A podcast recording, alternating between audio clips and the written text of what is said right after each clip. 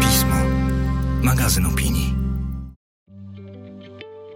Dzień dobry, dobry wieczór.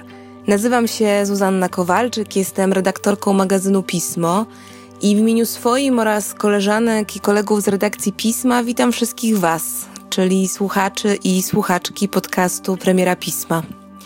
W tym miesiącu wyjątkowo wyłącznie podcastu, ponieważ w związku z pandemią koronawirusa niestety byliśmy zmuszeni odwołać nasze cykliczne spotkanie w przestrzeni From Facebook. Czuliśmy jednak, że pomimo trudnej sytuacji nie chcemy rezygnować z comiesięcznej debaty, zwłaszcza na temat tak aktualny, ważny i potrzebny, jakim jest zdrowie. Dlatego kwietniowa premiera pisma jest nie tylko premierą nowego numeru, ale również dla nas e, premierą debaty w formie zdalnej. Mamy więc nadzieję, że wybaczycie nam ewentualne niedociągnięcia techniczne i że będziecie z nami tak, jak to możliwe, czyli wirtualnie. A że warto być z nami przy okazji tej rozmowy, nie mam najmniejszych wątpliwości, ponieważ o tym, dlaczego do chorowania potrzebne jest zdrowie, będą dyskutować znakomite gościnie, które przedstawi Wam prowadząca rozmowę, której przekazuje wirtualnie mikrofon Justyna Dżbik-Kluge.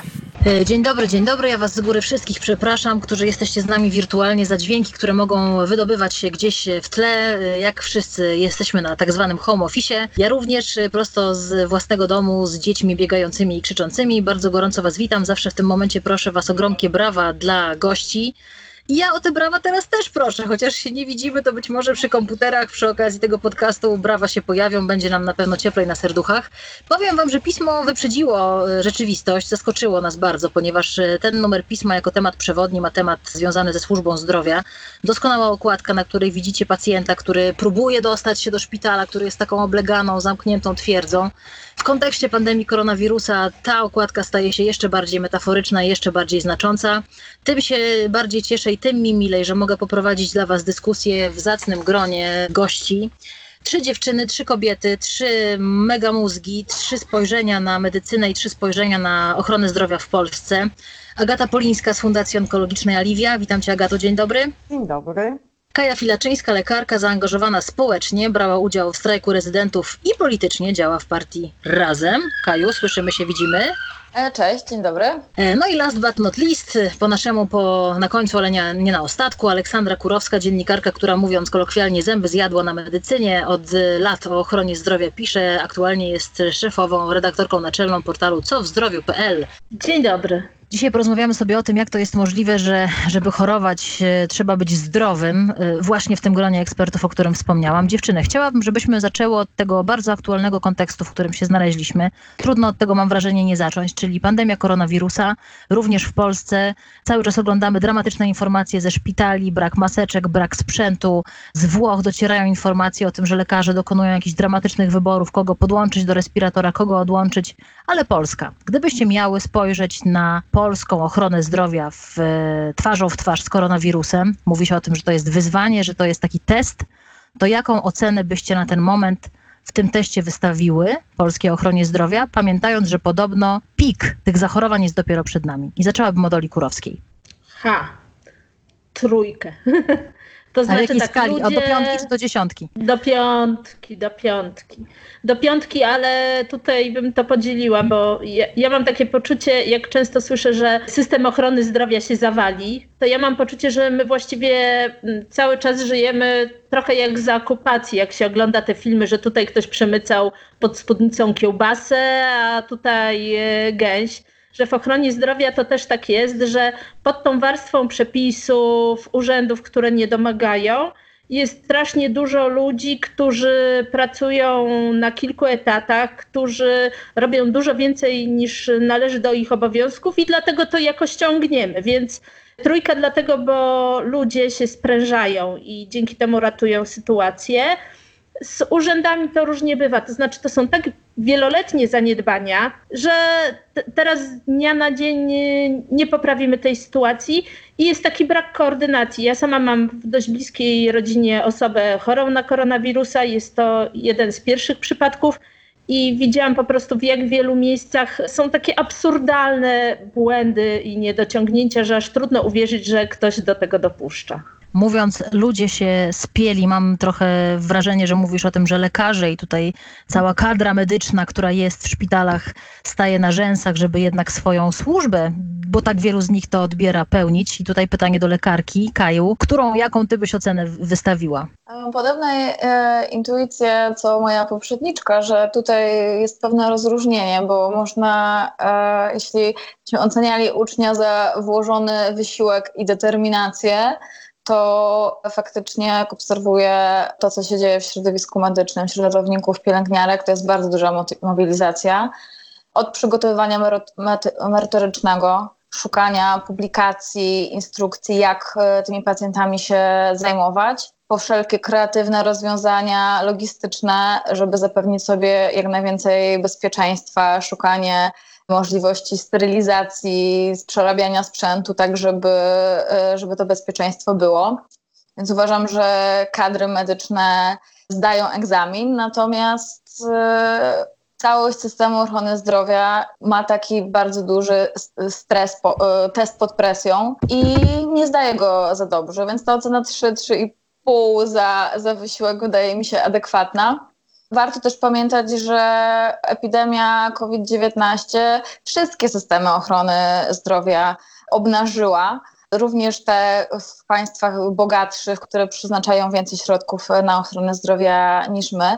Z takiego między innymi powodu, że systemy zachodnie ochrony zdrowia są przygotowane pod choroby przewlekłe przede wszystkim. Epidemia choroby zakaźnej, która wymaga nagle dużo większych zasobów czy respiratorów, czy środków osobistych, czy bazy szpitalne, które w normalnych warunkach nie są potrzebne, to jest gigantyczne wyzwanie dla wszystkich systemów y, ochrony zdrowia. Także to wyzwanie, które musimy udźwignąć w naszym systemie, od lat niedofinansowanym, z brakami kadrowymi, no niestety ja się bardzo obawiam, że może nie być do, y, do udźwignięcia, jeśli tych zachorowań będzie, będzie więcej. I wiem, że tego się boją moi koledzy i koleżanki. Tego się boją też na pewno w Ministerstwie Zdrowia i stąd te dosyć restrykcyjne środki. Bo w przypadku, kiedy będziemy mieć wzrost zachorowań, to ten scenariusz hiszpański czy włoski jest niestety bardzo prawdopodobne. No i wreszcie na to samo pytanie chciałabym, żeby odpowiedziała Agata Polińska, czyli jaka ocena? Pytam cię Agata w kontekście organizacji, jaką reprezentujesz. Jest to organizacja pacjencka zajmująca się onkologią. Pacjenci onkologiczni, jeśli chodzi o koronawirusa, są w tej no, wysokiej grupie ryzyka. Ja, ja zastanawiam się, czy powinniśmy oceniać sam system opieki zdrowotnej, bo mm, jakby nie wiem, czy ta ocena nie powinna być szersza. Czy nie powinniśmy raczej podjąć się oceny no, tego, jak decyzje mm, wpływają na to, y, jak ta opieka zdrowotna wygląda i kto podejmuje te decyzje i w jakim tempie. No cóż, a co ja masz może... na myśli mówiąc o decyzjach? Co masz na myśli mówiąc o decyzjach w kontekście podejmowania decyzji, nie wiem, leczniczych w COVID-zie, czy w chorobie COVID-19, czy, czy co nie, masz na myśli? Nie, e, Bardziej mi chodziło o to, że oczywiście możemy krytykować w tej chwili opiekę zdrowotną, ale trzeba pamiętać o tym, że ona wygląda tak, jak wygląda, dlatego, że przez dziesięciolecia były podejmowane takie, a nie inne decyzje przez ministra finansów, premierów ówczesnych, ministrów zdrowia ówczesnych, którzy nie wylobbowali lepszego budżetu dla tego sektora u swoich kolegów, ministrów finansów e, i, i tak dalej. I że jakby. Właśnie myślę, że tak robią zwyczajni ludzie. To znaczy, oni idą do lekarza, zderzają się z tym, że na przykład dostają skierowanie na badanie, które jest bardzo odwleczone w czasie, ale pacjent nie wie, że to nie lekarz odpowiada za to, że następna wizyta może być za trzy miesiące, czy też badanie może być zorganizowane za dłuższy czas i frustrację swoją właśnie wyładowuje na lekarzu co powoduje, że znowu lekarze stają się coraz mniej mili też dla tych pacjentów i empatyczni, bo pacjenci mają pretensje do lekarzy, że system jest niezorganizowany dobrze Lekarze działają w trudnych warunkach, są też sfrustrowani tymi trudnymi warunkami, ale znikąd pomocy. No dobrze, ale cały czas ja wracam do pytania, jak to się ma do tej pandemii? Mówisz o tym i też coś takiego powiedziała Ola Kurowska, że to jest efekt wieloletnich zaniedbań. Ale ja zapytam trochę przekornie. Kto był przygotowany na pandemię koronawirusa? Tajwan, który chyba najlepiej z tych różnych zagranicznych doniesień, mogę się mylić, ale oni mieli już podobny problem. Mieli SARS, więc się przygotowali, zakupili wszystkiego ile trzeba. My nie mieliśmy czegoś takiego, więc może absurdem jest oczekiwanie od rządzących, że będą na 100% przygotowani, bo wszyscy działają w warunkach trochę takich matko boska, co się dzieje, nie spodziewaliśmy się Trochę tego. Tak. Ale, ale nie zapominajmy, że państwa Unii Europejskiej przystąpiły do wspólnego przetargu na materiały ochronne i my żeśmy jako Polska do tego przetargu razem z innymi państwami nie przystąpili. W związku z tym nie jest do końca tak, że nikt nie wykonywał ruchów w celu zabezpieczenia na przykład personelu medycznego. Nie, to my żeśmy takiego ruchu nie wykonali. Co więcej... No i to jest konkret, to rozumiem, co masz na myśli. Tak? Były doniesienia o tym, że ten wirus się rozprzestrzenia, że ma wysoką zaraźliwość, że ma całkiem poważną śmiertelność, ale te doniesienia zostały po prostu zignorowane, bo to był czas kampanii wyborczej, bo to był czas ważniejszych politycznie tematów. No to mamy czas ważniejszych politycznie tematów. Przyszedł moment, kiedy po prostu doszło do tego, że nie ma ważniejszych tematów i społeczeństwa już nie obchodzi nic, absolutnie nic, oprócz tego, co się wydarza w e, służbie zdrowia i jak ona sobie radzi. Natomiast, no. mm, Cóż mogę powiedzieć? E, No nie oceniam świetnie służby zdrowia, ale wiem, że mm, jest to wynik wieloletnich procesów, a w zasadzie zaniechań, w zasadzie właśnie marginalizowania tego obszaru, dewaluowania wartości tego obszaru itd.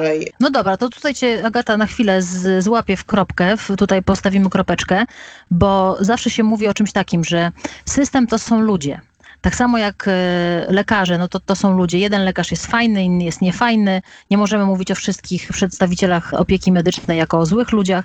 Tak samo tutaj. Na ile w tej sytuacji kryzysowej waszym zdaniem dobrze e, zarządza Łukasz Szumowski i on się sprawdza jako minister zdrowia? Kaja Filaczyńska. Trudno mi jest oddzielić postępowanie ministra Szumowskiego od e, tych jego działań z poprzednich lat, kiedy i on rozpoczął e, swoją e, bytność e, przy Miodowej Ministerstwie Zdrowia po proteście rezydentów, tak, który doprowadził do dymisji Konstantego Radziwiła. Wtedy podpisano porozumienie, którego warunki nie są dotrzymywane ponieważ rząd PiS zobowiązał się do wzrostu nakładów na ochronę zdrowia do 6%, natomiast wykorzystuje różne kruczki prawne, żeby tych, tego wzrostu nie było, do szeregu różnych rozwiązań, które mają e, poprawić e, warunki pracy w ochronie zdrowia czy kształcenie lekarzy i te warunki nie są dotrzymane. Porozumienie rezydentów, związki zawodowe cały czas od tych paru lat e, rozmawiają, prowadzą różne akcje protestacyjne, i ratownicy, diagności laboratoryjni, fizjoterapeuci. I te działania pozostają bez przełożenia na poprawę funkcjonowania. Mam wrażenie, że minister Szumowski jest w trochę trudnej, e, trudnej e, roli, bo te, te działania, te cztery lata trochę pokazują, że ma, miał do tej pory dosyć słabą pozycję w swoim środowisku politycznym i w rządzie. No bez e, postawienia ochrony zdrowia jako priorytetu, że minister finansów i budżet przeznaczą większe środki, on miał dosyć jakby mocno związane ręce. Teraz y, ma do zjedzenia tą wielką żabę i potężne wyzwanie pod y, po, postacią epidemii. Znowu są ustawione wyzwania pod tytułem on wychodzi na konferencję i zapowiada kolejne restrykcje i mówi, że będzie więcej zachorowań prosi o odpowiedzialność i ostrożność, a obok niego jest premier, który mówi o tym, że mają się odbyć wybory. Jakby z jednej strony współczuję mu tej roli obecnej. Nie zamieniłabyś się, nie zamieniłabyś się, rozumiem. Nie, nie zamieniłabym się, e, chociaż moje środowisko polityczne jakby stawia ochronę zdrowia na pierwszym miejscu, więc mam nadzieję, że nie byłabym aż tak, e, nie byłabym tak traktowana jak minister Szumowski. Trochę jakby tak po ludzku współczuję tej sytuacji i tego, że nie ma wsparcia w rządzie, a z drugiej strony pamiętam te poprzednie cztery lata, że gdyby polityka Ministerstwa Zdrowia i polityka rządu przede wszystkim e, była inna, to jest duża szansa, że jednak bylibyśmy lepiej e, przygotowani. Przygotowani. E, czy kadrowo, mhm. czy pod względem infrastruktury. Ola Kurowska, e, na piątkę ten minister w sytuacji kryzysowej, czy nie bardzo? Czy słaba trójka? Może powiem tak, że jak na wcześniejsze wystąpienia ministra, to teraz wypada bardzo dobrze, bo to zawsze powinniśmy brać do bazy. Jednak i, i mówi spokojnie, robi dobre wrażenie, tak? O ile kiedy mówił o wzroście nakładów, czy o finansowaniu ogólnie ochrony zdrowia organizacji, nieraz się gubił i w liczbach, i, i w informacjach, tutaj ten przekaz jest dosyć spójny co nie zmienia faktu, że jest chaos po prostu. No, stara się jakoś to ogarnąć, ale tak, na czym teraz bazujemy? Bazujemy na inspekcji sanitarnej, gdzie ludzie są tragicznie źle wynagradzani. Tragicznie. Dużo mniej zarabia się w inspekcji sanitarnej niż e, w marketach, e, niż przy jakichś pracach sezonowych dosłownie. A to są osoby z wykształceniem diagnosty. I teraz okazuje się, mm, to, to co mówiłaś, te zaniedbania, a teraz koronawirus. Oczywiście nie przewidywaliśmy, że będziemy mieli koronawirusa, ale to, że jest dramatycznie mało pracowników medycznych i poza pandemią jest problem z obsadzeniem dyżurów, problem z obsadzeniem gabinetów lekarskich, to to od lat wiedzieliśmy. Więc jeżeli nagle nam e, wypada kilkaset osób, które już są z pracowników medycznych, jak pokazywały ostatnio dane, zarażone koronawirusem, plus mhm. kilka tysięcy jest na kwarantannie, to system nam się rozkłada. Mimo, że poodwoływaliśmy operacje, poodwoływaliśmy wizyty, to nawet dla tych nieodwołanych do zapewnienia tej ciągłości działania placówek brakuje nam pracowników. Inspekcje sanitarne powiatowe padają jedna za drugą ponieważ nie mieliśmy środków zabezpieczenia. To jest wieloletnia polityka. Szpitale, ponieważ są źle wynagradzane, oczywiście można mówić, czy wydają dobrze, czy niedobrze, ale umówmy się, że sieć szpitali zarżnęła szpitale, zwłaszcza powiatowe, bo jeżeli nagle ponad 90% placówek ma ujemny wynik na działalności, to nie chodzi, że pan Henio czy pan Józef źle zarządza, czy pani Krystyna, tak? To znaczy, że systemowo coś schrzaniliśmy. Więc szpitale nie mają pieniędzy, więc nie mają zapasów leków, nie mają zapasów maseczek. Wszystkie umowy z hurtowniami były robione tak, że w ciągu dnia czy dwóch dni trzeba dowieść te rzeczy, ponieważ tych zapasów nie było. Powinna być jakaś minimalny zapas tych leków, chociażby ratujących życie i środków zabezpieczenia. I od lat wszyscy o tym wiedzą. Od lat nie robi się z tym wiele. Koszty działania szpitali cały czas rosną, więc one nie inwestują w to, że o, mamy nadwyżkę, kupimy dodatkowy respirator, tak? Mamy nadwyżkę, więc zrobimy szkolenie dla personelu, jakieś pod kątem właśnie nieprzewidzianych sytuacji. To wszystko jest po prostu, pruje się w szwach na każdym brzegu. Teraz też y, rząd rzeczywiście było to trzeba zrobić. Podniósł wynagrodzenia częściowo pracownikom medycznym, nadal są niesatysfakcjonujące, ale na ten wzrost wynagrodzeń i na wzrost wynagrodzeń w, w, gospodarce ogólnie nie dał szpitalom pieniędzy. Teraz jak szpitale alarmowały, że po prostu przestaną, część w kwietniu przestanie wypłacać wynagrodzenia, to NFZ dał 4-5% podwyżki, ale sam wzrost kosztów to jest 15%, czyli znowu te, jak to ładnie ujął kiedyś w zeszłym roku Naczelna Najwyższa Izba Kontroli, rozwierają się nożyce, czyli to, co dostają więcej z NFZ-u, ma się nijak do wzrostu kosztów. I to są takie rzeczy, że było wiadomo nawet bez koronawirusa, też byśmy się już mhm. rozkładali, a nie mamy żadnego marginesu na sytuacje awaryjne. Zastanawiałam się, kiedy się w, w tej dyskusji pojawią emocje. Jestem. W okolicach 12 minuty chyba się pojawiły. Czy wszyscy się słyszymy, czy wszyscy są na miejscach? Tylko tak. sprawdzę technikalia. Świetnie. To, y, to, co mówisz, Ola, jest y, związane z tym, co Agata Polińska mówiła przed naszą debatą, mianowicie, że koronawirus, czy pandemia koronawirusa tak naprawdę obnażył pewne braki w polskiej służbie czy ochronie zdrowia. Co Agata masz na myśli mówiąc to i jakąś malutką ocenę dla Szumowskiego, Łukasza, ministra poprosimy. To ja może zacznę od tego pana ministra, skoro już wszyscy tutaj go osądzili. To ja powiem e, tak. E, myślę, że wybitnie mądrą, słuszną, odważną i trudną decyzją było podjęcie decyzji o lockdownie. To jest wyjątkowo trudna decyzja również do przewalczenia właśnie wobec innych ministrów typu minister, nie wiem, tam rolnictwa, gospodarki, rozwoju, finansów itd. Tak jakimś cudem udało się ministrowi Szumowskiemu przekonać wszystkich do tego, że ten lockdown trzeba wprowadzać i to natychmiast. I tu należą mu się gratulacje, bo jak się okazało, w innych krajach nie było to takie oczywiste i te kraje poniosą znacznie wyższą cenę za właśnie brak tej decyzji zapewne. Natomiast to, co mu się nie udało, to nie udało mu się na, na czas zapewnić zasobów koniecznych do zabezpieczenia jego najcenniejszych zasobów i najbardziej mm, szczupłych, czyli właśnie personelu medycznego. To znaczy, my mamy dużo łóżek szpitalnych, dużo budynków, dużo aparatury, ale nie bardzo jest komu tą aparaturę obsługiwać, nie bardzo jest komu obsługiwać te łóżka i, yy, i te maszyny.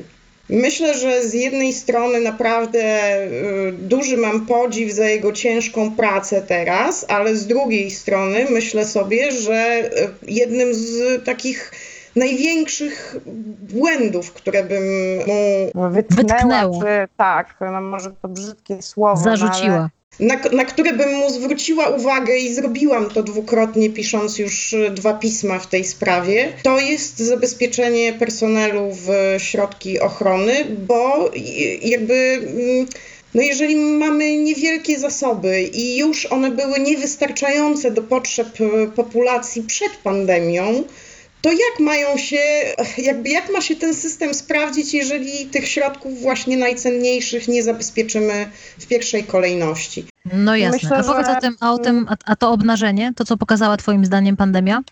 No to właśnie e, pokazała, że na przykład e, chyba, no, może to jest przesadzone, ale pokazała, że społeczeństwo jest zdyscyplinowane, natomiast e, epicentrum zakażeń jest obecnie w placówkach zdrowotnych. 100 osób w szpitalu brudnowskim czy coś koło tego, to są jakieś przerażające dane i to znaczy, że te procedury tam no, jakby zostały jakoś wprowadzone i te środki ochrony w daleko niewystarczającym stopniu, żeby opanować no właśnie sytuację, kiedy się pojawia pacjent zakażony. To też pokazuje, że organizacja w tej naszej służbie zdrowia jest właśnie tą piętą achillesową. I myślę, że brak tej organizacji to jest problem zarządczy. I jeśli mogłabym zdefiniować dwa problemy polskiej służby zdrowia, to nawet chyba przed problemem dofinansowania postawiłabym problem zarządzania nią. Dlatego, że to dofinansowanie ono nie będzie skuteczne, jeżeli nie będzie ten system dobrze zarządzany. Można wlewać tam wiadra pieniędzy i, i morze pieniędzy i ocean, ale jeżeli ten system będzie dziurawy, nie będzie efektywnie wykorzystywał tych środków, nie będzie dopilnowana jakość tego systemu, to te pieniądze się rozejdą i dalej będziemy sfrustrowani i niezadowoleni. my A druga rzecz, a druga rzecz, Agata, a druga rzecz, A o druga której rzecz to, to jest właśnie finansowanie. Ale ono musi pójść za omiernikowaniem, to znaczy za stworzeniem pewnych miar skuteczności opieki zdrowotnej, bo nam jako społeczeństwu nie zależy na tym, żeby chodzić do lekarza i odbywać wizyty. Nam zależy na tym, żeby rozwiązywać swoje problemy zdrowotne, a tego w tym systemie nikt nie mierzył do tej pory. NFZ mierzył tylko czy się odbyła procedura. Procedura się odbyła, pacjent zmarł. Nikt tego nie weryfikował, nikt nie sprawdzał efektów, które mamy na końcu, a które są naszym pożądanym celem jako społeczeństwa. My chcemy płacić za zdrowie, a nie za wykonywanie procedur. Jasne, za, zadanie jakiegoś. Dobra, Agata, poczekaj. e, Zatrzymajmy się na chwilę, bo to jest bardzo e, ciekawe i ważne to, w którą stronę poszłaś. Bo ja chciałam was właśnie zapytać, na ile, bo umówmy się, zawsze się mówi, że polska służba czy ochrona zdrowia jest niedofinansowania, że jest za mało pieniędzy, za mało pieniędzy, za mało pieniędzy. Ale trochę odpowiedziałaś na to pytanie, czy to jest tak, że tylko chodzi o kasę, i że po prostu jest tych pieniędzy za mało? Z Twojego Nie. punktu widzenia, od Ciebie wiemy już, że nie. Ciekawa jestem, co Panie na to powiedzą. Czy prosta ym, taka diagnoza w polskiej ochronie zdrowia jest cienko, bo nie ma kasy, jest słuszna, czy nie? Ola Kurowska. Jest słuszna. Jest słuszna. Oczywiście zgadzam się z, z tym, że zarządzanie, ale jeżeli placówki cały czas walczą o przetrwanie, bo tu są winne dostawcy za 4 miesiące, tu za 5, to nie są w stanie robić też inwestycji, które e, polepszają zarządzanie. A takich inwestycji jest masa do wykonania, między innymi informatyzacja, czy są takie specjalne maszyny do wydawania leków, które zmniejszają ryzyko, że pacjent dostanie nie taki lek, zmniejszają zużycie leków. Na to wszystko nie ma pieniędzy. Jeżeli chodzi o jakość, to ja bym chciała tutaj podkreślić, że ustawa o jakości została przygotowana. Ona od lat leży w Ministerstwie Zdrowia w szufladach. Co więcej, w zeszłym roku były kolejne projekty, między innymi przez ekspertów przygotowane i złożone gotowe w różnych opcjach ministrowi Szumowskiemu. On po prostu nie podjął tych działań. On ciągle mówi, że się tym zajmie, ale żadne działania nie zostały podjęte, nie zostało to skierowane przez niego do konsultacji.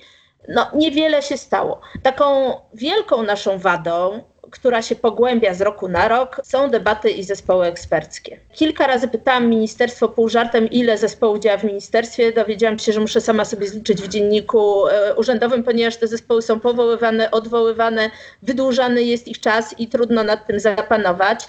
Jeżeli chodzi o jakość, finansowanie, w zeszłym roku eksperci byli zajęci debatowaniem. To jest bardzo Ale co to jest, ponieważ... co to jest, za, co to jest zawodek? To są debaty i eksperci tylko w służbie zdrowia, ale tylko w służbie zdrowia? Tak, tak. tylko przy, przy tak. Ministerstwie Zdrowia mówisz, tak?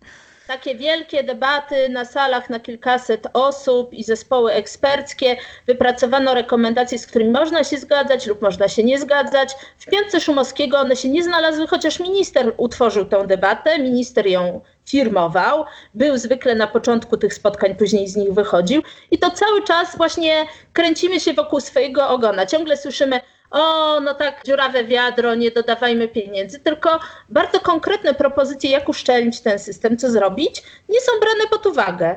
To okay. jest niesamowite, że zajmujemy się przeróżnymi rzeczami, ale niektóre tematy ja już naprawdę mam takie zmęczenie materiału czasami, jak wyciąga się kolejne projekty. Teraz przed wyborami, pro, program, przed ostatnimi wyborami, program PiS i po wyborach Fundusz Modernizacji Szpitali. Przepraszam bardzo, przy poprzednim programie też został wpisany. Ja już o tym funduszu słyszę od tylu lat i o ustawie o jakości, o zmianach akredytacji, że właściwie powinnam odświeżać te teksty i wymieniać nazwiska ministrów. I no bo to jest, Ola, tak jak powiedziała Agata w kontekście um, do, do tym wcześniejszym, że to nie chodzi o to, żeby pacjenta wyleczyć, tylko żeby zrobić procedury. Tu nie chodzi o to, żeby coś ustalić, tylko żeby się spotkać i podebatować. Ale ja widziałam, jak e, entuzjastycznie Kaja kiwała głową, kiedy przywołałaś ten wątek e, tych debat. Kaju, do ciebie to samo pytanie. Na ile tylko chodzi o kasę, jeśli chodzi o problem w polskiej ochronie zdrowia, a na ile o inne rzeczy? Dla mnie matką wszystkich problemów jest brak finansowania i są takie proste przykłady że z ostatniego roku, które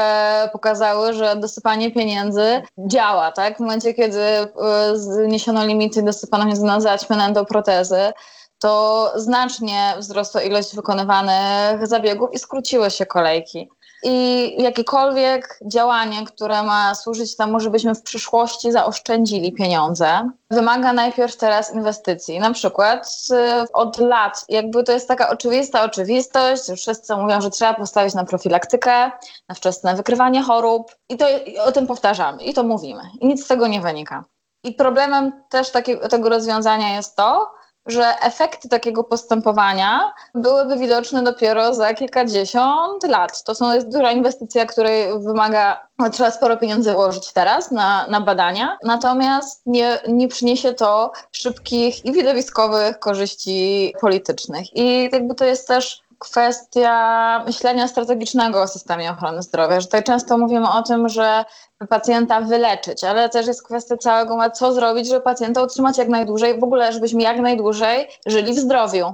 I jest cały dział medycyny prewencyjnej, który nie jest wykorzystywany i jeszcze jest szereg innych działań, które jakby są poza systemem ochrony zdrowia, narzędzi, które również nie są e, wykorzystywane bo moim zdaniem poza tym, że potrzebujemy wpompować dużo pieniędzy w system ochrony zdrowia, to potrzebujemy też zmienić sposób myślenia o polityce zdrowotnej jako takiej, bo y, tak co to naprawdę znaczy każdy... zmienić, co to znaczy zmienić system myślenia bardzo o polityce chętnie zdrowotnej? Wyjaśnię. Chodzi o to, że cała polityka państwa w każdym obszarze tak naprawdę powinna być tworzona z myślą o tym, żeby zdrowie i jakość życia ludzi była jak najlepsza. Po, począwszy od transformacji energetycznej i kwestii zanieczyszczenia powietrza poprzez warunki pracy. Tak naprawdę, jeśli chodzi o e, wpływ na nasze zdrowie, jak długo żyjemy, to dobry system ochrony zdrowia to jest tak standardowo uważane około 10%.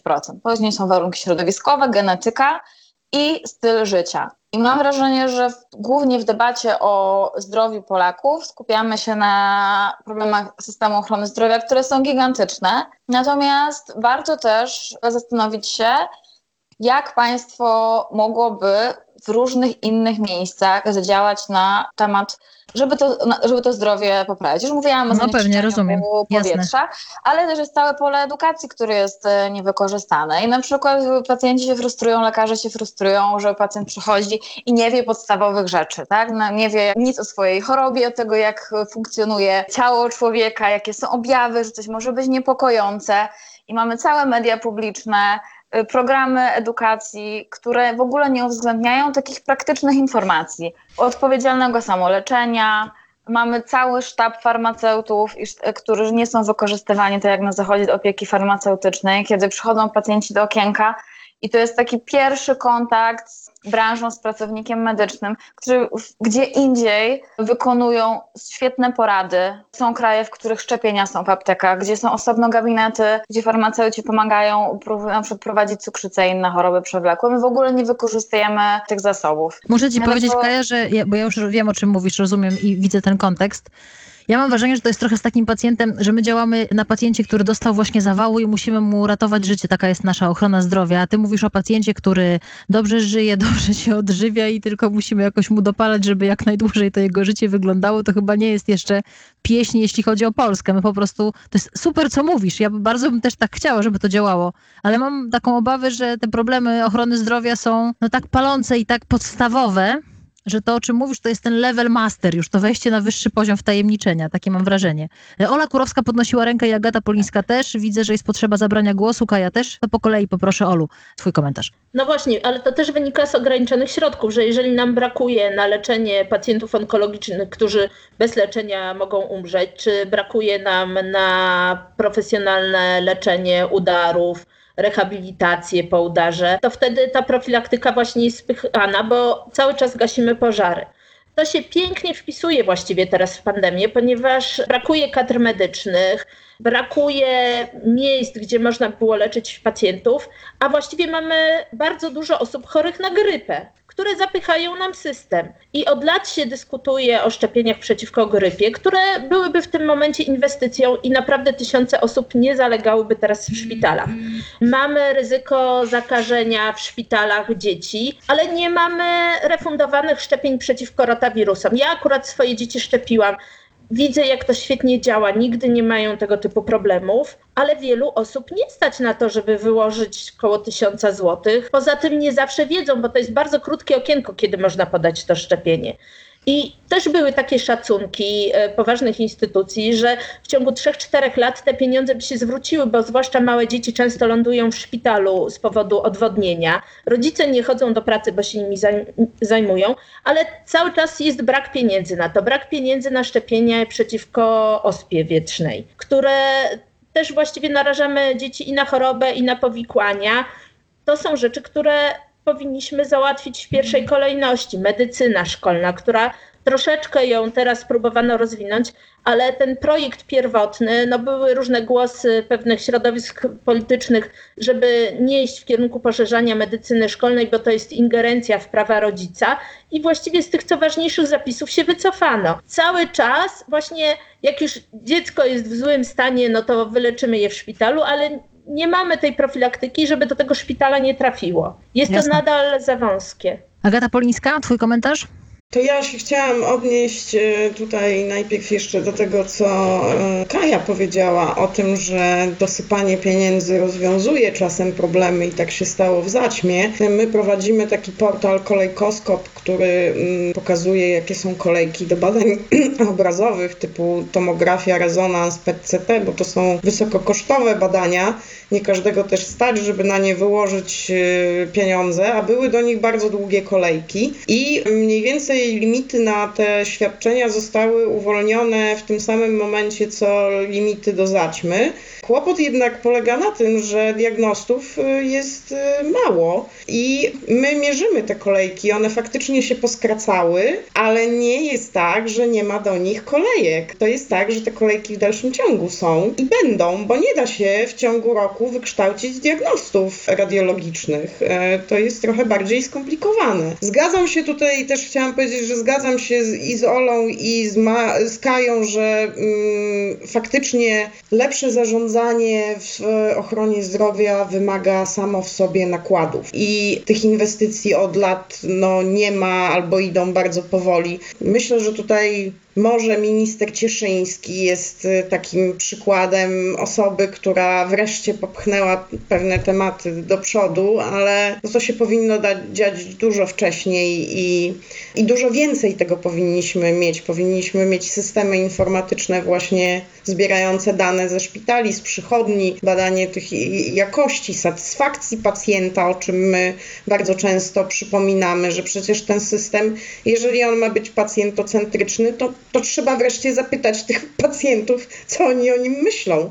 I też się kierować finansami w taki sposób, żeby satysfakcja pacjenta była premiowana. I to, co chciałam e, na koniec powiedzieć, to, że to jest trochę takie, mm, jak to powiedzieć, e, błędne koło. To znaczy, z jednej strony łatwo jest mówić właśnie, że nie ma co dorzucać pieniędzy, bo to jest dziurawe wiadro, ale przez brak pieniędzy nie można tego wiadra uszczelnić. W związku z tym to się tak kręci. A drugą rzecz, którą chciałam powiedzieć, to że proszę pamiętać, że zawsze ministrami zdrowia byli lekarze, chyba prawie zawsze. Może Ola mnie tutaj z, z, wyprostuje, jeżeli się mylę, ale myślę, że to też ma pewne no, swoje emanacje, że tak powiem. Ja wiem, ja wiem no, do czego ty pijesz. Ja wiem, do czego ty pijesz. Yy, uważasz, że tutaj zarządzanie lepsze, menedżerowie jako szefowie bardziej niż lekarze, ludzie z tego środowiska mogliby być skuteczniejsi, tak? W realizowaniu różnych postanowień i, i też w wydatkowaniu raz, tych pieniędzy, które gdzieś tam się dwa. jednak dopala. No nie chcę być tutaj jakby brutalna, ale zastanówmy się, czy taki układ, właśnie niedobry dla pacjenta w publicznej opiece zdrowotnej, nie powoduje, że jednak y, dużo lekarzy, którzy mają już pewne specjalizacje wypracowane i osiągnęli pewną pozycję społeczną, mogą y, intratnie zarabiać w prywatnych gabinetach, gdzie można się do nich dostać znacznie szybciej niż w publicznej służbie zdrowia i może im taki układ jest całkiem na rękę. I może to, że się ten układ nie zmienia od lat, jest właśnie jakby wynikiem tego, że on odpowiada pewnym grupom i w związku z tym nie ma presji faktycznej. Tą presję wywali rezydenci, którzy jeszcze do tych prywatnych gabinetów nie doszli. Pytanie, czy by byli tak samo chętni do tych zmian, gdyby już te gabinety mieli. No tak, to jest Em. bardzo ciekawy wątek, taki klasyczny wątek, jeśli chodzi. Zastanawiałam się, w którym momencie też i jak zahaczymy o prywatną opiekę zdrowotną. To jest klasyk, tak? Ten sam lekarz, który przyjmuje, czy profesor w Centrum Onkologii na prywatnej praktyce diagnozuje moją mamę, po czym szybciej ją przyjmuje na oddział. To jest, po, a to Polska właśnie, ja bym tak powiedziała. Otóż Słuchajcie, to, i komuś to za- ten mhm. układ pasuje, tak? Więc może on nie jest zmieniany, bo jest wygodny dla pewnych y, No to właśnie, środowisk. super, że, że ten wątek przywołujesz, Agata, bo zawsze jednak na końcu jest człowiek. Tych dwóch człowieków, których chciałabym, żebyśmy wzięły pod lupę, to jest lekarz i pacjent. Najpierw lekarz. Jaka jest rola lekarzy w tym systemie całym? Jak wy na lekarzy patrzycie? Jakie są grzechy i grzeszki, a jakie są anielskie cechy naszych polskich lekarzy? Ola Kurowska. Dobrze, dobrze. Nie mam żadnych poważnych chorób przewlekłych, więc mogę się wypowiadać. Cóż, z lekarzami jest bardzo, bardzo różnie. Mają niesamowitą rozpiętość zarobków. Są różni. Tak jak każdy z nas jest, pacjenci też są różni. Takie rzeczy, które obserwowałam przez lata i mnie niepokoiły i dotyczyły nie tylko lekarzy, to jest taka zaborczość, yy, to są nasze kompetencje, nikomu ich nie oddamy. Teraz przy okazji między innymi koronawirusa rzeczywiście były inicjatywy, kilka na przykład inicjatyw, że pięć izb działało razem, ale to jest niesamowite i bardzo na rękę moim zdaniem rządzącym, że czasami wystarczy w ustawę wrzucić jedno zdanie i nagle ta cała grupa, która trzyma się razem i na przykład apeluje o wyższe środki na ochronę zdrowia, nagle zaczyna się rzucać sobie do gardeł, bo a to pielęgniarkom daje się coś z kompetencji lekarzy, a to pielęgniarki e, bardzo blokowały dodatkowe kompetencje dla ratowników. I tutaj w tym środowisku Lekarze są ministrami, lekarze są niezbędni i zwykle są w stanie wywalczyć sobie troszeczkę więcej, ale to środowisko bardzo mi tego brakuje, co było na początku, kiedy powstawało porozumienie zawodów medycznych, że mieli wszyscy nie tylko z wykształceniem z akademii medycznych, ale też psychologowie i tak dalej, mówić jednym głosem. Tak podsumowując, trudno lekarzy wrzucić jeden worek. Ja uważam, że większość z nich robi dużo więcej niż, niż wymagalibyśmy od innych. Ludzie uwielbiają opowiadać o zarobkach lekarzy, ale ja bym w życiu nie chciała być lekarzem, bo zjadłyby mnie stresy związane z odpowiedzialnością za los drugiego człowieka. Nawet gdybym miała 30 czy 40 tysięcy zarabiać, nie chciałabym tej pracy, bo za bardzo bym się przejmowała. Lubimy zaglądać, jakie lekarze mają, zwłaszcza ci starsi, samochody czy coś. Ja zawsze mówię, a ile o godzin ten lekarz pracuje, a ile państwo. Mhm, Bo jasne. jak większość z nas by pracowała na dwa, trzy etaty, to też pewnie te dochody byłyby większe, tak? Na pewno to środowisko bardzo się zmienia i widać tą fajną zmianę pokoleniową. Przez lata było takie piętno, że lekarze biorą łapówki, częściowo zasłużone, częściowo nie. Trzeba przyznać, że teraz dużo, dużo rzadziej się o tym słyszy. Są jakieś takie ośrodki, ja słyszę od znajomych, że na przykład w jakimś mieście brał ojciec, a teraz ordynatorem jest syn i bierze nadal, ale mi się już takie sytuacje od bardzo wielu lat nie zdarzają i mojej rodzinie, żeby ktokolwiek oczekiwał dodatkowych pieniędzy. I uważam, że no, ta zmiana pokoleniowa następuje. I jeszcze jedno będzie moim zdaniem częściowe źródło problemów w systemie ochrony zdrowia, że część młodych lekarzy, pielęgniarek nie chce już pracować kosztem swojego zdrowia i rodziny tyle godzin, ile to robiło wcześniej. To jest w sumie zdrowa zmiana, bo później narzekamy, że lekarze są wypaleni, że nie podnoszą kompetencji, że są dla nas niemili. No trudno po dyżurze być miłym, tak? Po kilkunastu godzinach pracy.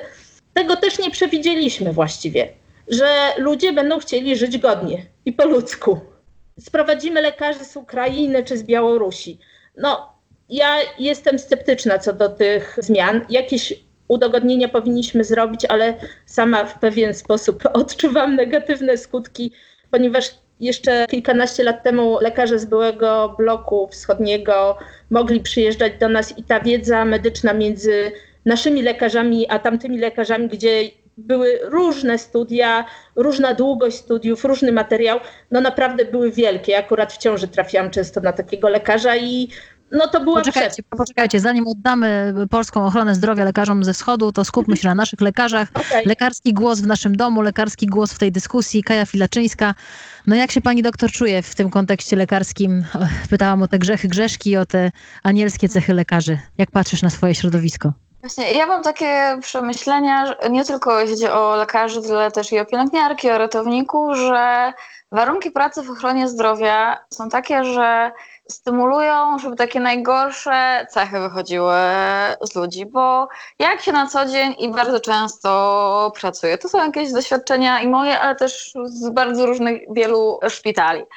Bardzo często personel medyczny ma bardzo dużo presji ze strony dyrekcji i przełożonych bo trzeba wziąć kolejny dyżur, bo y, ktoś zachorował i trzeba zmienić swoje plany. Zdarzają się odwoływane urlopy.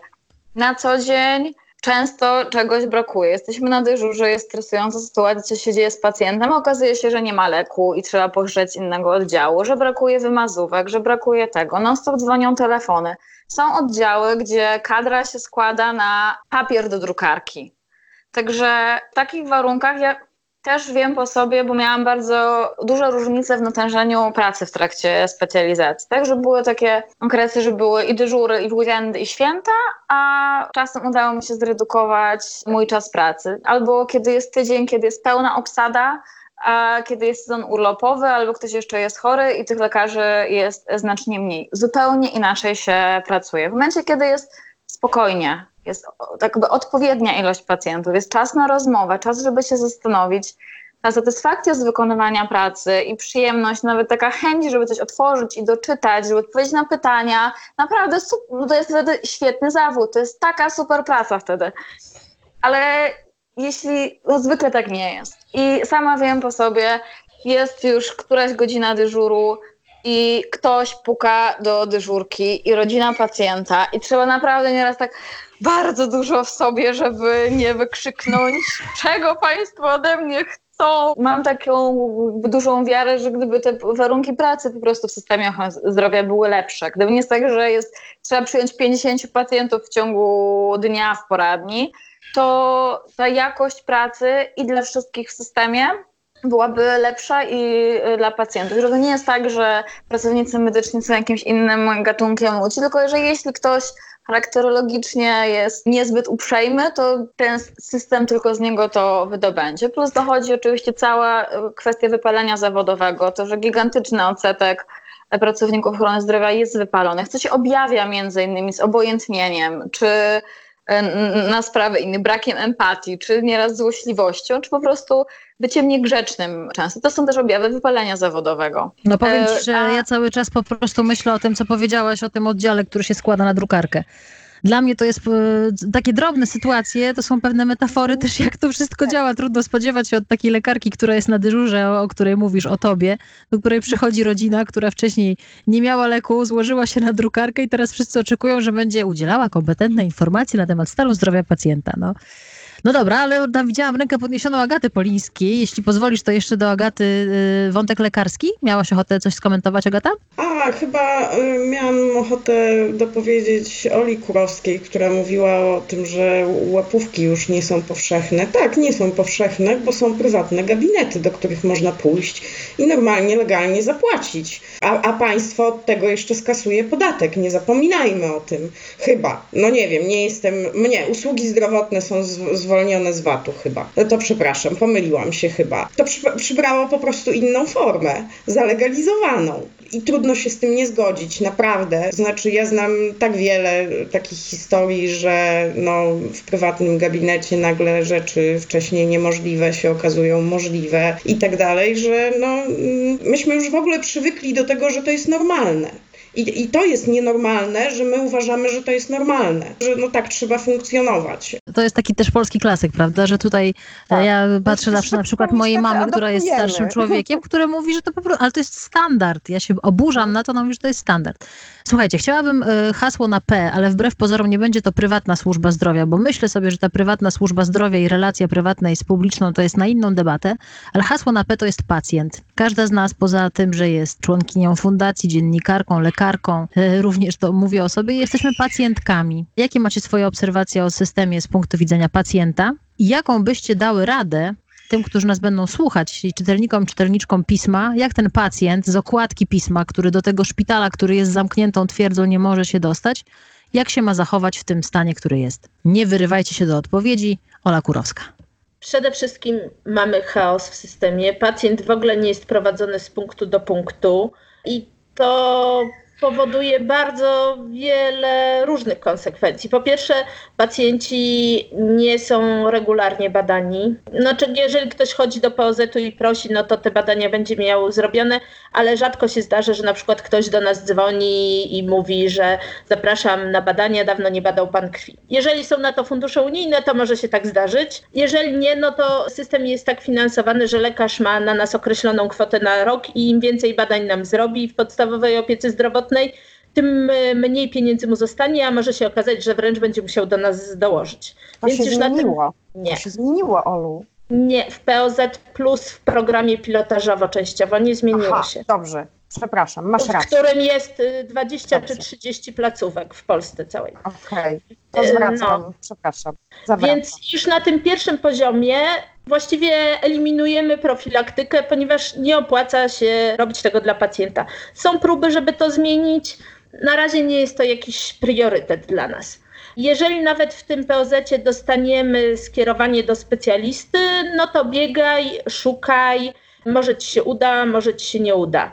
Dowiadujemy się na przykład od lekarza, że musimy się pilnie skonsultować. Okazuje się, że termin jest za kilka miesięcy. Takim sztandarowym przykładem, który zresztą w prywatnej opiece zdrowotnej też się na nim wykładamy, jest na przykład USG stawu biodrowego dzieci, które trzeba wykonać w ciągu kilku tygodni. I ja przy dwójce dzieci nie byłam w stanie, nawet w prywatnej przychodni, gdzie miałam abonament, musiałam zrobić awanturę, żeby to USG w tym przewidzianym terminie zostało zrealizowane, bo terminy wypadały dalej. Dostajemy na przykład informację, że powinniśmy się skonsultować z endokrynologiem, dostajemy termin na przykład za 8-10 miesięcy. Taką rzeczą, e, która może jeszcze bardziej tą frustrację rozwijać, e, są Ale poczekaj, teksty... bo tu jakaś rada musi być dla pacjentów. Rada. Rada. No właściwie. Ja wiem, że wszyscy umrzemy, ale słuchajcie, nie śpieszmy się do tego. Jak zrobić, żeby jak najdłużej jednak być? No. Ka każdy musi kombinować. Można próbować szukać przez stronę NFZ-u placówek, gdzie są szybciej terminy. Akurat na endokrynologii to się pięknie rozkładało, ponieważ wychodziło bardzo dużo terminów do endokrynologa, ale w poradniach dla mężczyzn, co nie było na początku zdefiniowane, więc jak wrzucałam endokrynolog, no to okazywało się, że są, tylko nie są dla mnie. Pacjenci muszą cały czas szukać, kombinować, jeżeli mają skierowania na badania, to też kombinować i to wszystko też przeciąża system, bo bezustannie wiszą na tych infoliniach. Inne osoby, które na przykład rezygnują z wizyty, nie są w stanie dodzwonić się do tej placówki, więc z jednej strony mamy długie kolejki, z drugiej strony mamy ludzi, którzy nie odwołują wizyt. Mi się też zdarzało nie odwoływać wizyt, bo jeżeli na przykład miałam kiedyś do ortopedy wizytę za półtora roku umówioną, to już zmieniłam kalendarz i rzeczywiście na tą wizytę nie poszłam. Więc to ca cała organizacja leży i ludzie muszą cały czas kombinować. Dzwonić mhm. do znajomych, Jasne. pytać. Stąd są te wszystkie fora internetowe, które moim zdaniem w dużej mierze też są szkodliwe, ale ludzie dostają termin za jakiś czas, więc wrzucają swoje skany wyników badań i czy sądzicie, że to białaczka, coś tam, coś tam, coś tam i czytają te głupie porady, które niepracownicy medyczni udzielają. Do szpitali też jest problem, żeby się dostać. Później słyszymy ciągle komunikaty, zresztą całkowicie słuszne, że ludzie nadużywają i przyjęci sorów, że przychodzą ze schorzeniami, które mają od dawna, udają, że to są stany nagłe, że później jak ktoś ma stan nagły, to czeka 12 czy 14 godzin w kolejce. Ale to jest to, co mówiłam na początku, trochę jak za okupacji, tak? Jeżeli coraz bardziej mnie boli, a wizytę mam za 5 miesięcy, to albo idę, w alternatywie, tak. No tak. Tak. Bo to, co mówimy o prywatnych gabinetach, to jeszcze pół biedy, jeżeli to chodzi o samą wizytę, ale często ta wizyta u specjalisty zapłacimy na przykład 180 zł, ale dodatkowe 500 zł za badania. I ludzie nagminnie ściemniają na izbach przyjęci sorach, że właśnie przed chwilą się uderzyli i ich bolało, bo ten cały pakiet dostają. A propos tego, co powiedziałaś, Ola, to ja się trochę poczułam jak na wojnie. Wiesz, jak ten pacjent taki na wojnie. Tu kombinuję, tam kombinuję, tu ściemnie, tu mam kaszankę, tutaj załatwię sobie coś. No, tak to e, wygląda często. Tak, to wygląda. Pacjent oczami lekarki. Kaja Filaczyńska. Jakiego byś sobie wyobraziła idealnego pacjenta? Ojej, e, dobra, to ja tak powiem, żeby pacjenci się nie bali zadawać pytań, bo widać często są onieśmieleni albo odstraszeni nieraz postawą lekarza, a ważne jest, że jeśli pacjent czegoś nie zrozumiał, jak brać leki, jakie ma zrobić badanie, naprawdę lepiej dopytać, poprosić o zapisanie, bo często takie błędy komunikacyjne skutkują i powikłaniami, i problemami, i jest tak naprawdę jeszcze dużo więcej zamieszania, żeby to później odkręcać. Żeby, żeby pacjenci nie bali zdawać pytań. Jeśli są chorzy, źle się czują, warto jest przyjść, jeszcze z inną osobą e, bliską, żeby były dwie osoby. Są badania, które pokazują, że z wizyty lekarskiej i z rozmowy no, jest to na tyle duży stres dla, dla pacjenta, że zapamiętuje jakieś 30% informacji. Stąd my y, staramy się na wizycie zapisywać i dawki leków, i, no, ale żeby również pacjenci w razie czego sobie nawet zanotowali. Zdarzają się pacjentki, które mają, przychodzą z kartką z listą pytań, notują sobie odpowiedzi, i jak najbardziej to jest w porządku. I też zadają często pytania, które czasami lekarz nie powie o czymś, bo wydaje nam się to oczywiste i takie nawet bardzo proste pytania, ale konkretnie mówię, dobrze, że pani o, tym, o, to, o to pyta i mhm. jak najbardziej wyjaśnię. Z takiego punktu widzenia lekarza jest bardzo, bardzo ważne, że jak się przychodzi, żeby mieć listę swoich leków z dawkami, jak się je przyjmuje, i żeby mieć swoją dokumentację medyczną. Jakby czy w, do poradni endokrynologicznej często pacjenci jak przychodzą pierwszy raz, mają tylko wizytę na, na przykład dokumentację swoją poprzednią związaną z na przykład z chorobą tarczycy, a nie mają na przykład swojej dokumentacji kardiologicznej, która jakby w endokrynologii jest to bardzo, jest silny związek między, y, jest dużo przeciwwskazań i jakby musimy mieć takie informacje. Do interpretacji mhm. wyników hormonalnych również są niezbędne, jakie leki pacjent przyjmuje, bo mogą na to, na to wpływać. I żeby nie kłamać. Wiem, że doktor House nie uważa, kłam, że medyka, wszyscy nie... kłamią, ale naprawdę to raz, że, bardzo, że większość kłamstw wychodzi później w badaniach, bo się to po prostu nie zgadza. Zadania pacjenta się zupełnie nie zgadzają. Trzeba to później odkręcać. Jest dużo zamieszania, jest dużo pracy dla nas, że przecież pacjent mówił jedno, a tutaj widzę, że jest drugie i to jest dużo dodatkowej pracy.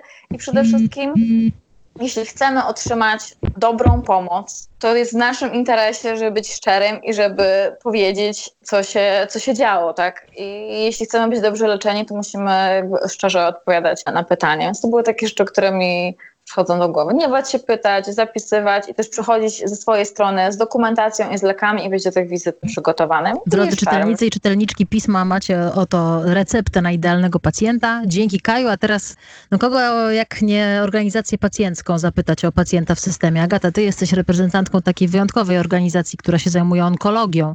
Czyli taki temat, który świetnie zresztą w tym numerze pisma jest opisany w jednym z artykułów. Polecam wam gorąco poczytać i o pediatrii, i o onkologii, i o suplementach, bo o tym pismo w tym numerze pięknie i ciekawie pisze. No to jak ty tego pacjenta onkologicznego, Agata, w naszym systemie odnajdujesz? Tylko muszę ci powiedzieć, że nie masz czterech godzin na odpowiedź, tylko jakieś cztery minuty. No cóż, y, my mówimy, że dodajemy odwagi. Nasza fundacja stara się dodawać odwagi, y, między innymi na przykład do zadawania pytań lekarzom, co nie zawsze jest takie proste i oni wcale nie zawsze reagują entuzjastycznie na te pytania. Stąd może speszenie pacjentów y, po różnych doświadczeniach z lekarzami, którzy nie za bardzo chcieli odpowiadać na nie. Ja widzę ten system jako system, który nie bierze w ogóle pod uwagę y, pacjenta. To znaczy, to jest raczej system, który próbuje tego pacjenta możliwie zniechęcić do tego, żeby o swoje zdrowie dbał y, i się leczył. I raczej y, kwestią jego determinacji tego pacjenta jest to, czy on do tego leczenia dobrnie. My mówimy, że chorzy na nowotwory złośliwe mają w tym kraju dwie walki do rozegrania. Pierwsza walka to jest e, z chorobą, ale druga walka to jest z systemem. O to, żeby poprowadzić swoje leczenie możliwie optymalnie. I to bywa czasami bardzo trudne. Przede wszystkim nie ma rozwiązań systemowych, które stawiałyby tego pacjenta faktycznie w centrum systemu. To znaczy, system jest dostosowany do potrzeb płatnika, do potrzeb świadczeniodawcy, do potrzeb może trochę nawet lekarza. Czasem z mojej perspektywy jest tak, że ja przychodzę do przychodni, jestem umówiona na daną godzinę, pan doktor nie przychodzi, a jak już przyjdzie, to tak jakby się nic nie stało. To znaczy on nie mówi ani przepraszam, ani y, dlaczego się spóźnił. Po prostu jest to oczywiste, że lekarz ma prawo się spóźnić. Niedawno byłam też na e, rejestracji i pytałam o dostępność pana doktora, to mi pani powiedziała, że ona nie umie powiedzieć, kiedy będzie pan doktor. Ja mówię, ale pan doktor przyjmuje w tej przychodni? Tak, przyjmuje. No to ma jakiś grafik? Tak, ma grafik. No to czy może mi pani powiedzieć, jak ten grafik wygląda? Ale pan doktor może mieć wykłady. Ja mówię, ale to co, to wykłady są rzeczą niezaplanowaną i nie wiadomo o nich wcześniej? No ale pan doktor czasem przychodzi, a czasem nie, bo ma wykłady.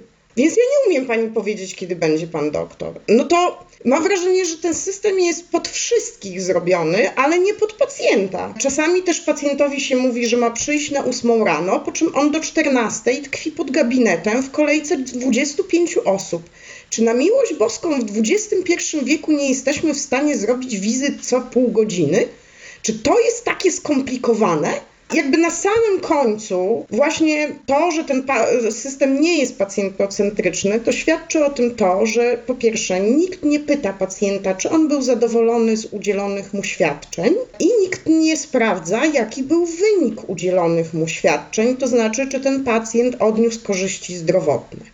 Na końcu. I to niestety te dwa elementy, bez tych dwóch elementów, ja nie widzę możliwości innej, żeby ten system się stał pacjentocentryczny. Bo nawet jeżeli jest lekarz, któremu z domu się tak trafiło, że nie wyniósł za dużo osobistej kultury, no, no, no, no, no tak się czasem zdarza i to też nie jest wina tego lekarza. No tak miał rodziców, no, którzy nie mieli za dużo obycia społecznego, dajmy na to, tak? Natomiast jeżeli jest system, który warunkuje to, że ten lekarz będzie miał płacone wyższą pensję, jeżeli jego wyniki satysfakcji będą dobre, to nawet jeżeli on nie umie, to on pójdzie i się dokształci w tym zakresie.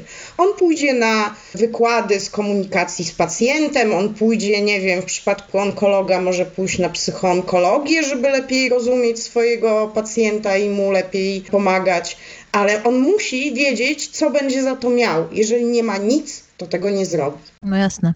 Słuchajcie, mam bardzo ciekawe pytanie, tak pewnie trochę na podsumowanie. Płyniemy do brzegu tą naszą tratwą rozsypującą się, ale przywiązujemy ją kolejnymi sznureczkami zwaną Polską Ochroną Zdrowia. Bardzo ciekawe pytanie od jednego z czytelników albo czytelniczek, chyba jednak czytelników pisma, zamieszczone w internecie, na Facebooku pisma. Posłuchajcie, sporo słyszy się i czyta na temat problemów w opiece zdrowotnej od strony systemu. Pisząc system, mam na myśli to, jakie są regulacje związane z placówkami i techniczne możliwości szpitali przychodni. Jednak jak to wygląda? To wszystko od strony ludzi korzystających z usług e, służby zdrowia. Czy jako pacjenci mamy duży wpływ na wygląd y, rzeczywistości i czy swoimi własnymi wyborami możemy usprawnić działanie poszczególnych jednostek? Czy raczej wszystko zależy tylko od przepisów i regulacji i działania nad zmianą mentalności ludzi nie mają żadnego sensu? Bardzo ciekawe, czy my jako swoimi wyborami pacjenckimi, zachowaniami możemy coś zmienić? Która z pań ma ochotę odpowiedzieć? Ach, to widzę dwie. No, proszę bardzo, po kolei, można. Agata Polińska, proszę. To ja może najpierw. Przypomnę tutaj e, nieżyjącą już Ewę Borek, która była liderką Fundacji My Pacjenci i która kiedyś stworzyła taką kampanię, którą bardzo lubiłam.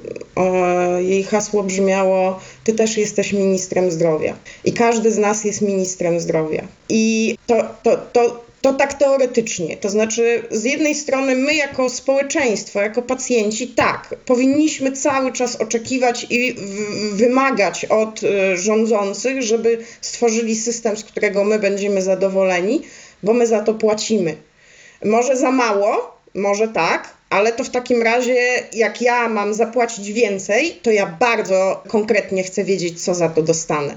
I bez ściemy, takiej jaka jest teraz. To raz. A dwa, kiedyś było takie hasło, które teoretycznie miało być wdrażane, że pieniądze będą szły za pacjentem, ale tak nie jest. Tak jest tylko na poziomie POZ-u i to też w zasadzie idzie pakiet za pacjentem, a nie zapłata za poszczególne świadczenie. A im bardziej się wejdzie tam w onkologię, specjalistykę i tak dalej, tym bardziej jest tak, że okazuje się, że te szpitale dostają po prostu pewne kontrakty i to nie ma za bardzo znaczenia, czy my pójdziemy do tego czy innego szpitala, bo jego kontrakt nie zależy od tego, czy my wybieramy tego specjalistę, ten szpital, tylko zależy od tego, jakie on miał wykonanie w zeszłym roku. Więc. Yy, z jednej strony tak, ponieważ jesteśmy demokracją i mamy społeczeństwo zmierzające ku temu, żeby być obywatelskim, mam nadzieję, że tak będzie kiedyś i, i rozwiniemy w sobie te, te kompetencje, to z drugiej strony prawda o finansowaniu jest taka, że nie jest tak, że my swoimi wyborami cokolwiek zmieniamy w tym systemie. Niestety nie. Ola Kurowska, czy każdy z nas jest ministrem zdrowia? Czy każdy z nas jest ministrem zdrowia? No to jest yy, tak, że jak były sondaże przed wyborami ostatnimi, to yy, ochrona zdrowia była wskazywana jako najważniejsza kwestia. Jednak y, mam takie poczucie, że my nie egzekwujemy na różnych poziomach ani od rządzących tego. Ekscytujemy się w ochronie zdrowia rzeczami, które są ważne, ale umówmy się, że populacyjnie nie są aż tak ważne, typu aborcja, typu tabletki dzień po, różne kwestie, w sprawie których jesteśmy w stanie się zebrać tłumnie i protestować ale takich bardziej systemowych rozwiązań nie wspieramy. Ja bym oczekiwała, ponieważ wszyscy się znają niby na ochronie zdrowia, wszyscy na nią narzekają, że na protesty na przykład rezydentów czy innych grup medycznych powinien przyjść milion Polaków, tak? Czy setki tysięcy pacjentów, nie tylko lekarzy i ich rodzin. Oczywiście inni też dołączają, ale mam poczucie, że w takich ważnych kwestiach nie wywieramy takiej silnej władzy, y, na władzę presji. presji. To jest jedno. Mhm. Druga rzecz, właśnie brak edukacji i e, sami powinniśmy być dla siebie ministrem zdrowia, na przykład w chorobach przewlekłych brać leki. Co roku jest strasznie dużo hospitalizacji, bo ktoś chciał być mądrzejszy i brał trzy tabletki antybiotyku i przestał. Brał antybiotyk bez przepisania przez lekarza, y, przez co mamy narastającą antybiotykooporność. Brał y, pół tabletki na nadciśnienie, bo wydawało mu się, że tak będzie dobrze, lub nie brał w ogóle leków. I te osoby z cukrzycą, z różnymi chorobami trafiają do szpitali przywożone przez karetki. Tu brakuje edukacji zdrowotnej, tu brakuje właśnie takiego podkreślania, bo my, mam takie poczucie, że my od bandy do bandy jedziemy. Albo mamy poczucie, że rząd powinien nam wszystko zapewnić, bo to jest ochrona zdrowia i mamy do tego prawo w konstytucji. Albo jak na przykład ktoś jest chory, to mówimy, a bo nie dbał o siebie, był gruby, palił i tak dalej, tak? A brakuje nam takiego środka, czyli takiego balansu, przede wszystkim w ogóle wskazania, co nam się należy, bo to, że my w Konstytucji mamy zapisane, że należy nam się prawie wszystko w ochronie zdrowia, to spróbujmy z tych praw skorzystać i się okaże, że ich w ogóle nie mamy prawie. Znaczy mamy w przypadku poważnych schorzeń konieczności leczenia w szpitalu bardziej niż w przypadku ambulatoryjnej opieki specjalistycznej dostanie się do specjalisty. Powinniśmy bardzo poważnie o tym podyskutować, bo no właśnie, należy nam się, więc nie chcemy wyższej składki, nie chcemy dopłat. Nie mówię, że dopłaty są dobre, ale w ogóle o tym nie dyskutujemy, bo wszystko nam się należy z konstytucji. I nie widzimy tego, że i tak tego nie mamy, i tak to, co mówiła Agata, idziemy jak trzeba to do prywatnego gabinetu i musimy dodatkowo dopłacić. W takiej fikcji żyjemy. Niby mamy, a niby nie mamy. I to są też częściowo nasze wybory, wybory polityczne, wybory zwracania na różne rzeczy uwagi. Ja nie mówię, że każdy pacjent jest w stanie zrewolucjonizować e, ochronę zdrowia, ale od wyborów do wyborów my zapominamy. Gasimy te pożary, jak coś się stanie złego, jest czarna seria na sorach, to nam się przypomina. Później czarnej serii na sorach nie ma, od razu o tym zapominamy, jest jakiś następny pożar może rozliczanie lokalnych polityków, może przychodzenie na dyżurę poselskie. Wydaje mi się, że każdy powinien zrobić coś we własnym zakresie. Ja też staram się różne działania robić we własnym zakresie i czasami odnoszą jakieś tam sukcesy. Każdy jest swoim ministrem zdrowia i każdy powinien jakąś e, presję wywierać. Jeżeli narzekamy na ochronę zdrowia, to starajmy się to zmieniać. Na tyle, ile możemy. Powiedziałaś, Olu, o tym, że jak są strajki czy protesty rezydentów, to milion obywateli powinno przychodzić. Kaju, czy ty byś się mocniej czuła, jakby tam milion obywateli z wami protestowało? Ma każdy z nas wpływ? E, tak się staraliśmy, szczerze mówiąc, zwłaszcza przy tych już kolejnych protestach, raz poszerzać żeby to nie był protest rezydentów, tylko protest medyków, była budowa porozumienia zawodów medycznych, ale również był e, kontakt z organizacjami pacjenckimi i zaproszenia takie otwarte, żeby jak najwięcej osób przyszło, bo jakby w tej rozmowie już się pojawił ten temat różnych grup interesów w systemie ochrony zdrowia i poza systemem. I mam wrażenie, że od lat bardzo dobrze się rozgrywa ten konflikt między jakby lekarzami i pacjentami, bo to jest tak, który tak naprawdę jest często takim konfliktem fikcyjnym. To grupy, które są na tej pierwszej linii frontu i bezpośrednio ze sobą, gdzie tak naprawdę nasz los pracowników i los pacjentów, e, rzeczy interesy są tak naprawdę w, w wielu miejscach zbieżne, bo my chcemy udzielać pomocy w dobrych warunkach że nie chcemy mieć czas dla pacjentów i chcemy mieć siłę, żeby odpowiadać na te pytania, żeby nie brakowało e, leków, nie brakowało sprzętu, że jeśli czytam wytyczne jak się powinno leczyć daną jednostkę chorobową, to żeby te leki również były w Polsce dostępne, również tak, żeby pacjentów było na nie stać mamy wysoki poziom współpłacenia za leki. Wielu pacjentów po prostu nie stać na ich wykupywanie, dlatego jakby też w wyborach proponujemy już y, ten ryczałtowy opłaty za leki, żeby to było 5 zł za pozycję na recepcie, żeby nie było sytuacji, że ktoś jest hospitalizowany i ma powikłania, które również są bardzo drogie dla systemu, dlatego że nie było go stać na wykupienie leków. Także to się też na szczęście trochę zmienia ta definicja grupy, grupy interesu, że tak naprawdę te osoby, pacjenci, pracownicy, ten taki dół, linia frontu systemu ochrony zdrowia, tak naprawdę mamy w, miejsc, w bardzo wielu miejscach za wspólne interesy. I faktycznie jest tak, że jest bardzo wysoki poziom nierówności, jeśli chodzi o branżę że lekarz rezydent czy lekarz internista szpitalny niekoniecznie ma te same interesy co lekarz właściciel przychodni czy prywatnego, prywatnego szpitala. I jak najbardziej ta linia interpretacji, no moim zdaniem to nie jest przypadek, że mamy niskie e, nakłady na ochronę zdrowia od lat, że jest to rozwiązanie, które to jest działka, w której są bardzo duże, w której są gigantyczne pieniądze widać, że Polacy coraz więcej wydają i na prywatną ochronę zdrowia, i na suplementy bez sensu. I jest dużo środowisk, które chcą na tym zarobić. I postępuje taka cicha prywatyzacja ochrony zdrowia. Ukazało się ostatnio badania, że wizyty lekarskie są coraz droższe, jest coraz więcej, także no, nawet 500 plus nie starczy na, na wszystko. Potrzebujemy sensownego systemu ochrony zdrowia. I jeśli pracownicy i pacjenci wspólnie nie będą się upominać i egzekwować tego poprzez zaangażowanie w organizacje, w fundacje, przez głosowanie, przez działalność polityczną, to niestety inne grupy nacisku będą silniejsze. Po prostu. I widać to niestety już teraz, przy pandemii to jakby czego ja się, y, miałam takie, mam taką nadzieję jakby, że to co obnażyła pandemia, jak słaby jest system ochrony zdrowia, ale również jak jakby kluczowo ważny jest dla bezpieczeństwa. Jakby nie tylko armia jest ważna dla bezpieczeństwa narodowego, ale także dobrze funkcjonujący system ochrony zdrowia dla całej gospodarki. I nie jest to sektor, który można odpuścić albo pozwolić mechanizmom rynkowym, żeby rządziły, bo tak by też prywatne teraz konsorcja, prywatne przychodnie nie przyjmują pacjentów z podejrzeniem COVID. Mają infolinię, jak tylko ktoś ma podejrzenie, jest skierowany do publicznych jednostek. Ktoś, kto jakby prywatny, liczący koszty, nie będzie trzymał nadmiaru respiratorów czy środków ochrony osobistej, a to są jakby działania, które z punktu widzenia bezpieczeństwa narodowego muszą być.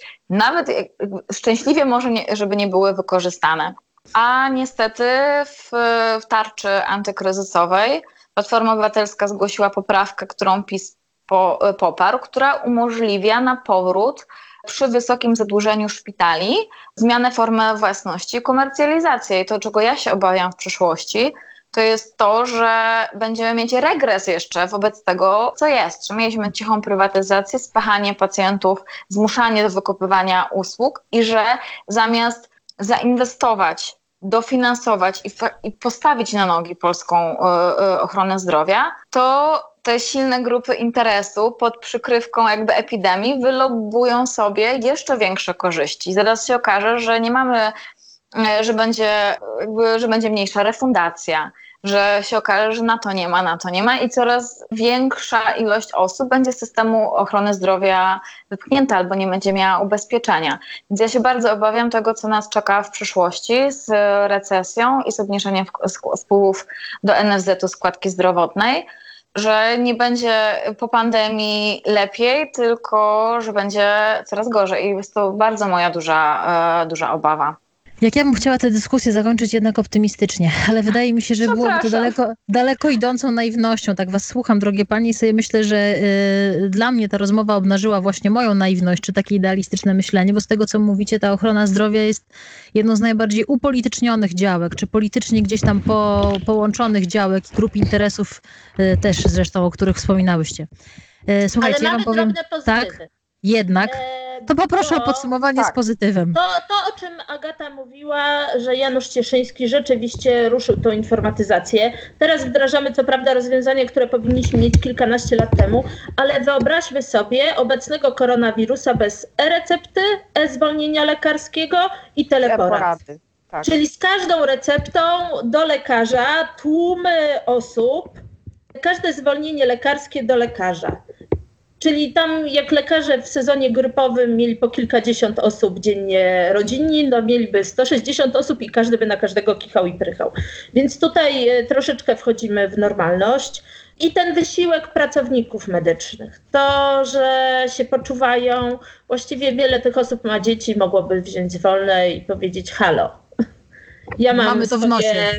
Tak, swoje tak, życie. tak. Wy macie mnie na co dzień w nosie, bo nie zapomnieliście mi maseczek, e, fartucha, ochraniaczy, przyłbicy, godnych zarobków i godnych warunków pracy. Teraz ja mam was w nosie.